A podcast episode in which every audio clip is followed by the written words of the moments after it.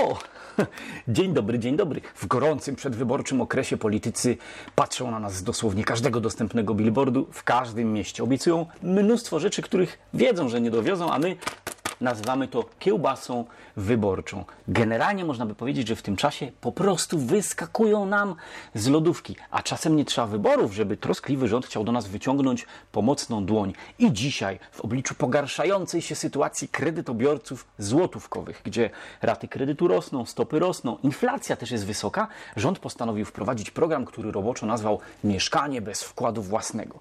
Jakie są zasady tego programu? Kto może z niego skorzystać? Czy mieszkanie bez wkładu własnego oznacza, że rząd na ten wkład własny da ci po prostu kasę? O tym porozmawiamy w dzisiejszym odcinku, przygotowując wyborną porcję pierwszorzędnej kiełbasy wyborczej. Zapraszam do oglądania. Nie mam zmówienia tego żadnej satysfakcji, ale możesz z dużą dozą prawdopodobieństwa przyjąć, że za cokolwiek bierze się rząd, jeżeli chodzi o regulowanie pewnych kwestii, to niestety uda się to koncertowo spieprzyć. I żeby była jasność, nie chodzi mi wyłącznie o polski rząd albo o ten rząd, który mamy teraz. Trzy najprostsze przykłady. W 2015 roku pojawiło się coś takiego jak Fundusz Mieszkań na Wynajem. To wtedy premier Tusk obiecywał, że w 2015 do 2017 powstanie 3400 nowych tanich mieszkań, a w samym tylko 2015 miało ich powstać 2000 400. A jak dzisiaj zerkniesz na stronę Funduszu Mieszkań na Wynajem, to okazuje się, że po tych 7 latach od ogłoszenia projektu tych mieszkań udało się funduszowi wprowadzić na rynek 1900. Także średni sukces. Drugi pomysł z rzędu dom do 70 metrów, który możesz wybudować bez pozwolenia. Oczywiście należy tutaj zastrzec, że to jest nowy program obowiązujący dopiero od stycznia, więc mamy dane gusowskie za styczeń i luty to być może potrzebuje czasu, żeby się rozkręcić. Ale co z tego wynika? Z ponad 44 tysięcy pozwoleń, jakie w ogóle wydano w styczniu i lutym, 14,2 dostali indywidualni inwestorzy. To jest Kowalski, który chce wybudować swój dom czy Nowak, który chce wybudować swój dom. I z tych 14,2 tysiąca 99,1% to są pozwolenia budowlane. Teraz jeśli policzysz sobie, ile to jest 99,1% z liczby 14 200, to wychodzi z tego, że tych domów tanich na zgłoszenie jest około 100 30 sztuk. Ale tak jak mówię, program jest nowy, więc być może się rozkręci. Kolejny przykład z zagranicy od polityka, który dla wielu naszych polityków jest wzorcem do naśladowania istnym guru. Premier Viktor Orban i Węgry. I tenże Viktor Orban na chwilę przed wyborami, które na Węgrzech były w kwietniu, wymyślił sobie, nie interesuje mnie inflacja, nie interesuje mnie, że produkty są droższe. Macie sześć podstawowych produktów sprzedawać, drodzy sklepikarze, w cenach z października 2021 i nie przewidujemy żadnych rekompensat. Chodzi o mleko, mąkę, cukier, olej, udziec wieprzowy i pierś kurczaka. I teraz wyobraź sobie, że prowadzisz taki osiedlowy spożywczak i nagle Dzisiaj mleko kosztuje 50, a ty je masz sprzedawać za 30. To jakie są scenariusze? Co zrobisz z tą różnicą 20? Pierwsza wersja jest taka, będziesz próbował kupić taniej, jeśli to możliwe, bo musisz utrzymać ten produkt w sprzedaży i nie możesz sprzedawać go drożej. Cena jest regulowana. Druga wersja, przyjmiesz tę podwyżkę na klatę, czy tę stratę w zarobku i będziesz po prostu sprzedawał produkt taniej, być może nawet na nim nie zarabiając, ale musisz go mieć w sprzedaży. Trzecia jest taka, że podniesiesz ceny innych produktów po to, żeby zrekompensować sobie tą wymuszoną obniżkę. Co zrobili sklepikarze na Węgrzech? Ano rzucili się do sieci handlowych typu Lidl, Spar, Aldi i tam wykupowali mleko na przykład, bo tam było tańsze, ponieważ sieci stać na uzyskanie wyższych rabatów i potem sprzedawali u siebie trzymając się tej wyznaczonej przez rząd ceny. Do czego to doprowadziło? Po pierwsze do niedoboru produktów, a po drugie do tego, że sieci wprowadziły limit, na przykład 10 litrów mleka na głowę. Nie wiem dlaczego kolega Wiktor nie miał świadomości, że tak to się może skończyć, ale to była bardzo krótka piłka, bo on grał tylko do kwietnia do wyborów. Potem już jak Fidesz dostanie kolejny mandat na sprawowanie władzy, to można powiedzieć, że inflacja jednak istnieje i na kogoś tam zwalić. Tak niestety często wyglądają próby regulowania czegoś, co powinno być zostawione rynkowi przez polityków. No ale skoro już pojawił się taki program, to spróbujmy przeanalizować, dla kogo on jest. Jakie trzeba kryteria spełnić, kto może z niego skorzystać. Po pierwsze, nadal musisz mieć zdolność kredytową, no bo to jest mieszkanie bez wkładu własnego, ale na kredyt. Więc bez zdolności kredytowej nie da rady. Ten wkład własny będzie zagwarantowany przez państwo. Czy rząd ci da pieniądze? Nie, właśnie nie. Rząd ci zagwarantuje, że gdybyś ty go przestał spłacać, to spłaci to za ciebie, czyli zrobię to ja i pozostali mieszkańcy tego kraju, bo tak to będzie de facto działać. Po drugie, wysokość tego gwarantowanego wkładu to może być pomiędzy 10 a 20, maksymalnie 20% wartości nieruchomości, przy czym nie może przekroczyć 100 tysięcy złotych. No i teraz, jeżeli na przykład chciałeś kupić mieszkanie o wartości 800 tysięcy, to ile potrzebować wkładu własnego? Jeżeli liczymy 20%, 160 tysięcy.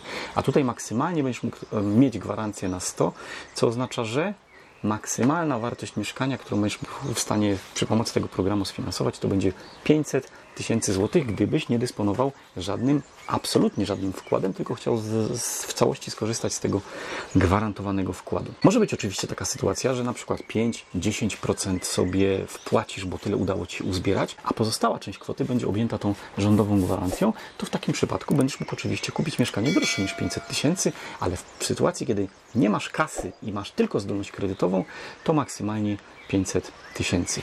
Trzeci element, nie możesz mieć prawa do innej nieruchomości, chyba że masz dzieci. Dlaczego? No dlatego, że w teorii ten program może być wykorzystany do tego, żeby sobie podnieść standard życiowy. Więc na przykład przy dwójce z dzieci, jeżeli mieszkasz w mieszkaniu mniejszym niż 50 m2, to w teorii będziesz mógł sobie dzięki temu programowi kupić większe. Ten limit metrów kwadratowych jest zniesiony przy rodzinach, które mają 5 i więcej dzieci. Wówczas nawet gdybyś mieszkał w 120-metrowym domu i chciał sobie kupić dzięki temu programowi coś większego, nie ma problemu, możesz skorzystać z tego programu. Kolejny element jest taki, że nie może być ten kredyt udzielony na krócej niż 15 lat. Może być oczywiście dłużej, ale minimum to jest 15 lat. Oczywiście musi być w złotówkach ten kredyt udzielony i bank, który Ci będzie tego kredytu udzielał, musi mieć podpisaną umowę, to warto sprawdzić wcześniej, z Bankiem Gospodarstwa Krajowego. I jeszcze jedna rzecz. Przezornie rząd wprowadził cenę maksymalną metra kwadratowego. Dlaczego? No bo gdyby Polacy masowo rzucili się do korzystania z programu mieszkanie bez wkładu własnego i chcieli je kredytować, to mogłoby to oznaczać, że kupują więcej mieszkań, co mogłoby oznaczać, że ceny mieszkań nadal idą w górę, czyli zarabiają deweloperzy i ta maksymalna cena ma zaprzestać czy przeciwdziałać wzrostowi cen mieszkań. Co to oznacza w praktyce? To oznacza, że na przykład w Warszawie, dla której ta cena metra kwadratowego, biorąc pod uwagę średnią z rynków pierwotnego i wtórnego, ustalona jest na poziomie około 10 tysięcy, a Ty korzystasz w całości z gwarantowanego wkładu na poziomie stówki, czyli maksymalnie dostaniesz pół miliona kredytu, no to nie kupisz mieszkania większego niż 50 metrów kwadratowych. Więc jeżeli już teraz mieszkasz w mieszkaniu 48-metrowym i chciałbyś sobie zrobić upgrade, pytanie, czy to jest gra w ogóle warta świeczki. Trochę więcej metrów kupisz w Katowicach. Katowice mają ustaloną cenę maksymalną na poziomie jakichś 7800. To będzie jakieś powiedzmy 71 metrów kwadratowych. We Wrocławiu 60-61 metrów kwadratowych maksymalnie, bo ta cena jest ustalona na poziomie jakichś 8300. I co ważne, bo o tym jeszcze nie powiedziałem, programem mogą być objęte mieszkania kupowane zarówno z rynku wtórnego, jak i pierwotnego. Paradoksalnie największym beneficjentem, moim skromnym zdaniem, będą ci ludzie, którzy mimo wszystko poprzez lata, myśląc o tym, żeby uciłać na ten wkład własny, uzbierali sobie jakieś pieniądze. Wyobraź sobie taką sytuację, że masz 100 tysięcy złotych, które do tej pory było w całości przeznaczone na wkład własny i myślałeś o zakupie mieszkania, a na przykład wartości pół miliona złotych. Teraz nie musisz tego robić.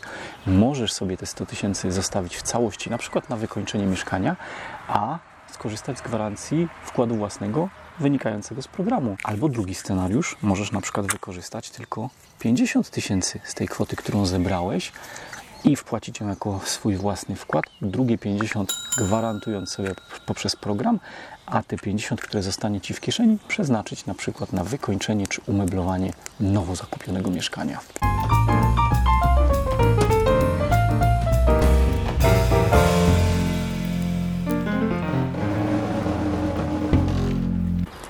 Jakie są minusy tego rozwiązania? No, przede wszystkim tak, teraz bank udzielając Ci kredytu ma 20% wkładu własnego od razu, a w tym momencie będzie miał wirtualną gwarancję, że ktoś te 20% zapłaci. W związku z tym bank udzieli, ale skalkuluje sobie, że dla niego to jest większe ryzyko, co oznacza, że ten produkt będzie jako kredyt droższy. Po drugie, w dniu dzisiejszym spłacasz tak naprawdę 80% kwoty, bo 20% w postaci wkładu własnego musiałeś wpłacić przed udzieleniem kredytu. A teraz do spłacenia będzie 100% tej kwoty. Co to oznacza? No to oznacza, że ten kredyt będzie dłużej musiał być obsługiwany, no bo dłużej się spłaca 100% pewnej kwoty niż jej 80% i tyle. Trzeci element potencjalnie może być tak, że mniej zamożni ludzie, nie w rozumieniu nieposiadających zdolności kredytowej, bo pamiętaj, cały czas musisz mieć zdolność kredytową, co ważne, jeżeli w dzisiejszych czasach masz zdolność kredytową w tym kraju, to wierz mi, przynależysz do elity. Znalazłem bardzo ciekawy artykuł na stronach Rzeczpospolitej, link będzie na dole w opisie filmu, który mówi o tym, że zdolność kredytowa Polaków w dzisiejszych czasach dramatycznie spadła. To jakieś 30% nas może teraz starać się o kredyt z całej tej puli, która mogła starać się o kredyt jeszcze półtorej roku temu. Więc jeżeli masz zdolność kredytową, nawet nie mając wkładu własnego, to wiesz mi, jesteś w elicie. Poczytaj ten artykuł. Swoją drogą nakręciłem też film o tym, czy warto zmienić kredyt o zmiennej stopie na stałą stopę. Jeżeli go jeszcze nie widziałeś, to link będzie gdzieś tutaj. Zachęcam do obejrzenia, bo tam są gotowe odpowiedzi na pytanie, czy warto jeszcze teraz w dobie tych podwyżek stóp kredytowych zastanawiać się nad zamianą kredytu na takiej stałej stopie oprocentowania. Ale wracamy. Mówiliśmy o tym, że potencjalnie mniej zamożni ludzie, ale nie tacy, którzy nie posiadają zdolności kredytowej, tylko tacy, którzy nie dali rady ogarnąć tego wkładu własnego. Oni teraz też będą mogli wziąć kredyt, co oznacza trochę wyższe ryzyko, że przestaną go obsługiwać. A w związku z tym pojawia się pytanie, kto zapłaci za to, gdybyś ty nie spłacił tego wkładu własnego. Ano państwo, ja, pozostali inni mieszkańcy Rzeczypospolitej Polskiej, ale biorąc pod uwagę, ile wydajemy dziennie na przykład na utrzymanie telewizji polskiej z budżetu państwa, to myślę, że zupełnie spokojnie damy sobie radę z obsługą tych niespłacanych wkładów własnych. Program wchodzi w życie od 27 maja, tak jak mówiłem. Szybko okaże się, czy jest popularny i zwiększa dostępność mieszkań dla przeciętnego Kowalskiego, czy jest popularny inaczej, tak jak na przykład dom na zgłoszenie, gdzie, tak jak mówiłem, 130 zostało takich zgłoszeń wydanych w styczniu, lutym tego roku. Ja tymczasem biorę się za spożywanie tej kiełby wyborczej, oby nie odbiła się czkawką, a dziękuję serdecznie tym samym za uwagę, bo to wszystko, co przygotowałem. Zachęcam do polajkowania, zasubskrybowania kanału i oglądania pozostałych filmów. A na dzisiaj to już wszystko. Serdeczne dzięki. Czuwaj.